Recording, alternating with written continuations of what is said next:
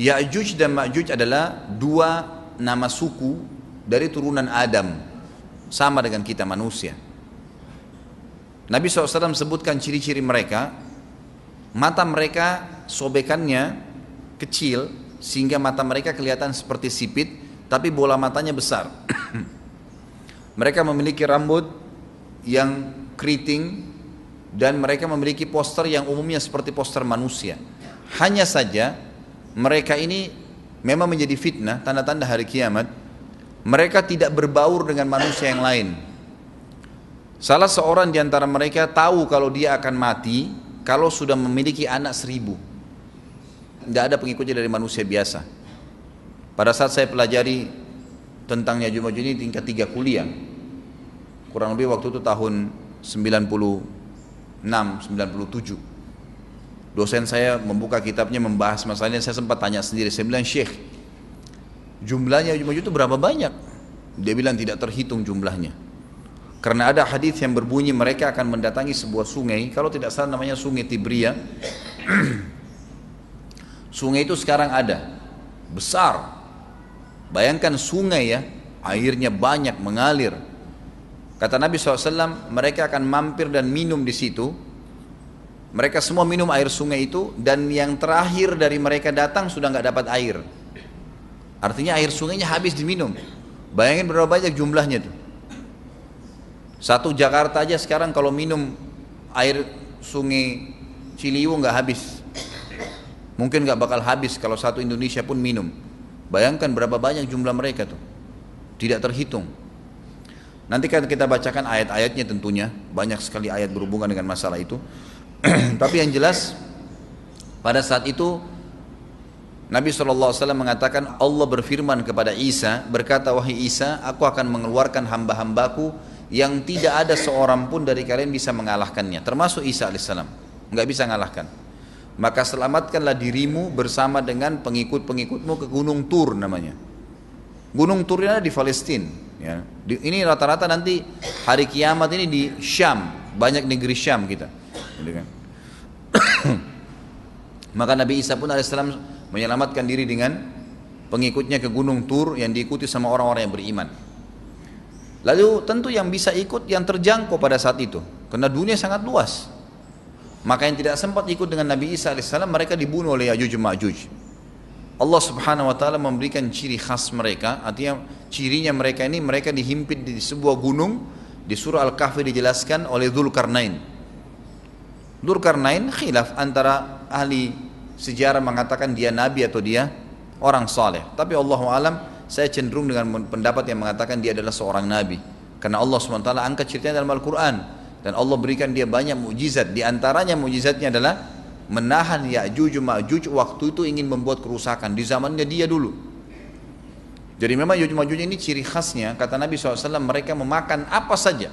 Batu, kalau hewan-hewan itu kalah jengking sama ular, binatang-binatang buas, harimau, mereka makan semua. Jadi bukan seperti manusia normalnya.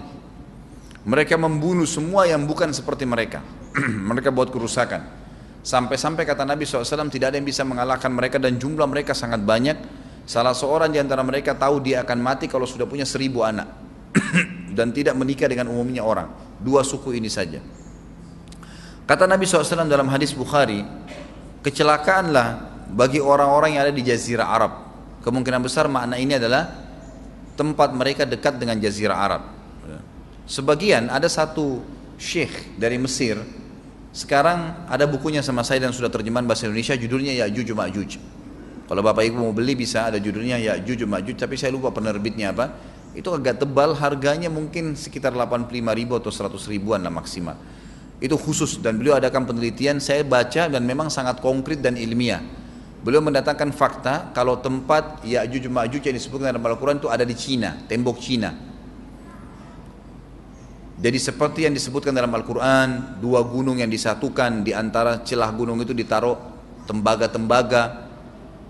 Pernah pemerintah Cina mendapatkan ada celah dari tembok Cina itu yang bolong waktu mereka mau tempel bolongan itu dengan batu batu-batu tanah yang mereka biasa taruh sekarang ternyata di dalam itu ada tembaga yang mengeras dan seperti disebutkan dalam Al-Quran di mana ya Zulkarnain mempertemukan antara besi-besi yang ditumpuk lalu dipanasi, dibakar sehingga menjadi meleleh kemudian disirami lagi dengan timah yang meleleh juga dan dibiarkan kering sehingga menjadi tembok besi. Kata Nabi SAW, kecelakaan bagi orang-orang yang jazirah Arab karena telah terbuka dari lubangnya Yajuj Majuj sebesar ini.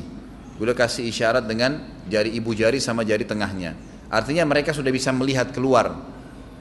Tetapi kata Nabi SAW, setiap hari mereka terus menggali gunung itu, berusaha untuk keluar.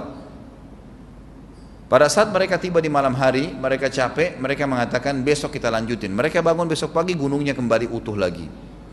Sampai nanti waktu di mana Allah izinkan mereka keluar. Pada saat mereka keluar, maka mereka akan mulai membuat kerusakan. Ada di halaman 82 ya. Al-Anbiya 96 sampai 97 ayatnya. Ingatlah hingga apabila dibukakan tembok Ya'juj Ma'juj, bolong, jebol dan mereka turun dengan cepat dari gunung-gunung itu. Dari seluruh tempat yang tinggi. Kita tahu itu jaraknya berapa ratus kilometer bahkan mungkin ribuan kalau nggak salah. Ya. Semuanya itu akan dipenuhi Ya'juj Ma'juj dan telah dekatlah kalau sudah terjadi itu kedatangan janji yang benar, maksudnya hari kebangkitan. Maka tiba-tiba terbelalaklah mata orang-orang kafir. Mereka berkata, aduhai celaka kami. Sesungguhnya kami dalam kelalaian tentang ini bahkan kami adalah orang-orang yang zalim. Kenapa? Karena Ya'juj Ma'juj tidak lihat apakah kafir atau beriman. Mereka tidak butuh, bukan seperti Dajjal ya. Dajjal butuh jadi pengikutnya, oke okay, aman. Ini enggak. Siapa saja ditemuin dibunuh. Dia nggak pandang, nggak mau tanya kamu dari suku mana, kamu agama apa tidak dipandang.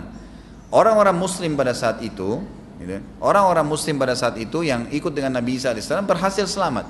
Walaupun pada saat itu muka bumi umumnya orang sudah beriman. yang dimaksud di sini orang-orang kafir adalah adanya orang-orang yang masuk Islam karena terpaksa, karena mereka tidak terlalu faham pada saat itu, Lalu mereka menganggap remeh informasi dari Nabi Isa alaihissalam. Maka mereka terbelalak matanya karena dibunuh oleh Yajuj Majuj. Kata Nabi SAW di dalam hadis sahih, riwayat Imam Bukhari, bahwasanya Yajuj Majuj akan membunuh siapa pun yang mereka temui bahkan pada saat mereka sudah merasa menguasai bumi mereka melepaskan anak-anak panah mereka ke langit Lalu Allah menurunkan anak-anak panah mereka sebagai fitnah dipenuhi dengan darah. Maka mereka berkata, kami telah membunuh semua yang ada di bumi dan semua yang ada di langit. Maka sebagai penutup dalam bahasan itu, kata Nabi SAW, Allah lalu mengizinkan Isa untuk berdoa kepada Allah agar memusnahkan mereka. Maka Isa alaihissalam pun akhirnya berdoa, meminta kepada Allah Subhanahu wa taala agar mereka semua dimusnahkan. Maka pada saat itu pun Allah Subhanahu wa taala menurunkan kepada mereka hama. Sebagian hadis menyebutkan serangga kecil seperti cacing. Banyak sekali yang menimpa tubuh-tubuh mereka. Setiap orang satu.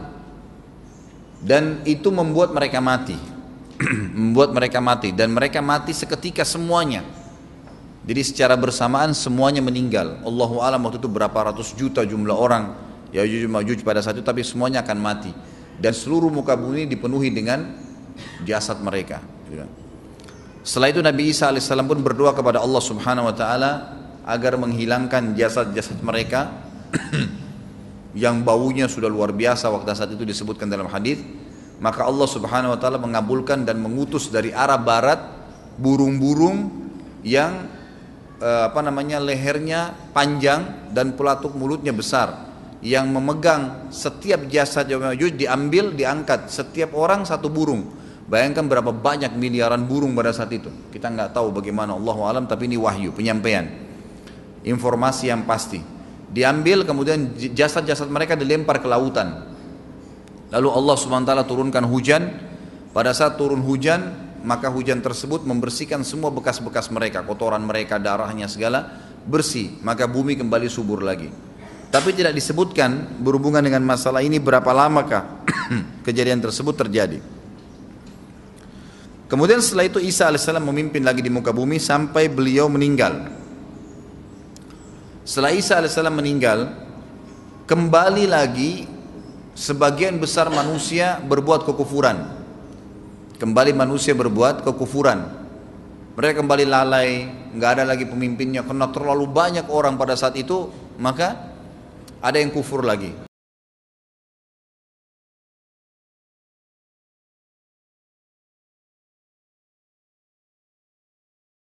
Assalamualaikum Untuk pemesanan paket umroh murah Bisa menghubungi 0821 4196 0857 Kami ulangi sekali lagi Untuk pemesanan paket umroh murah Bisa menghubungi 0821 4196 0857 Sekali lagi 0821 4196 0857 Terima kasih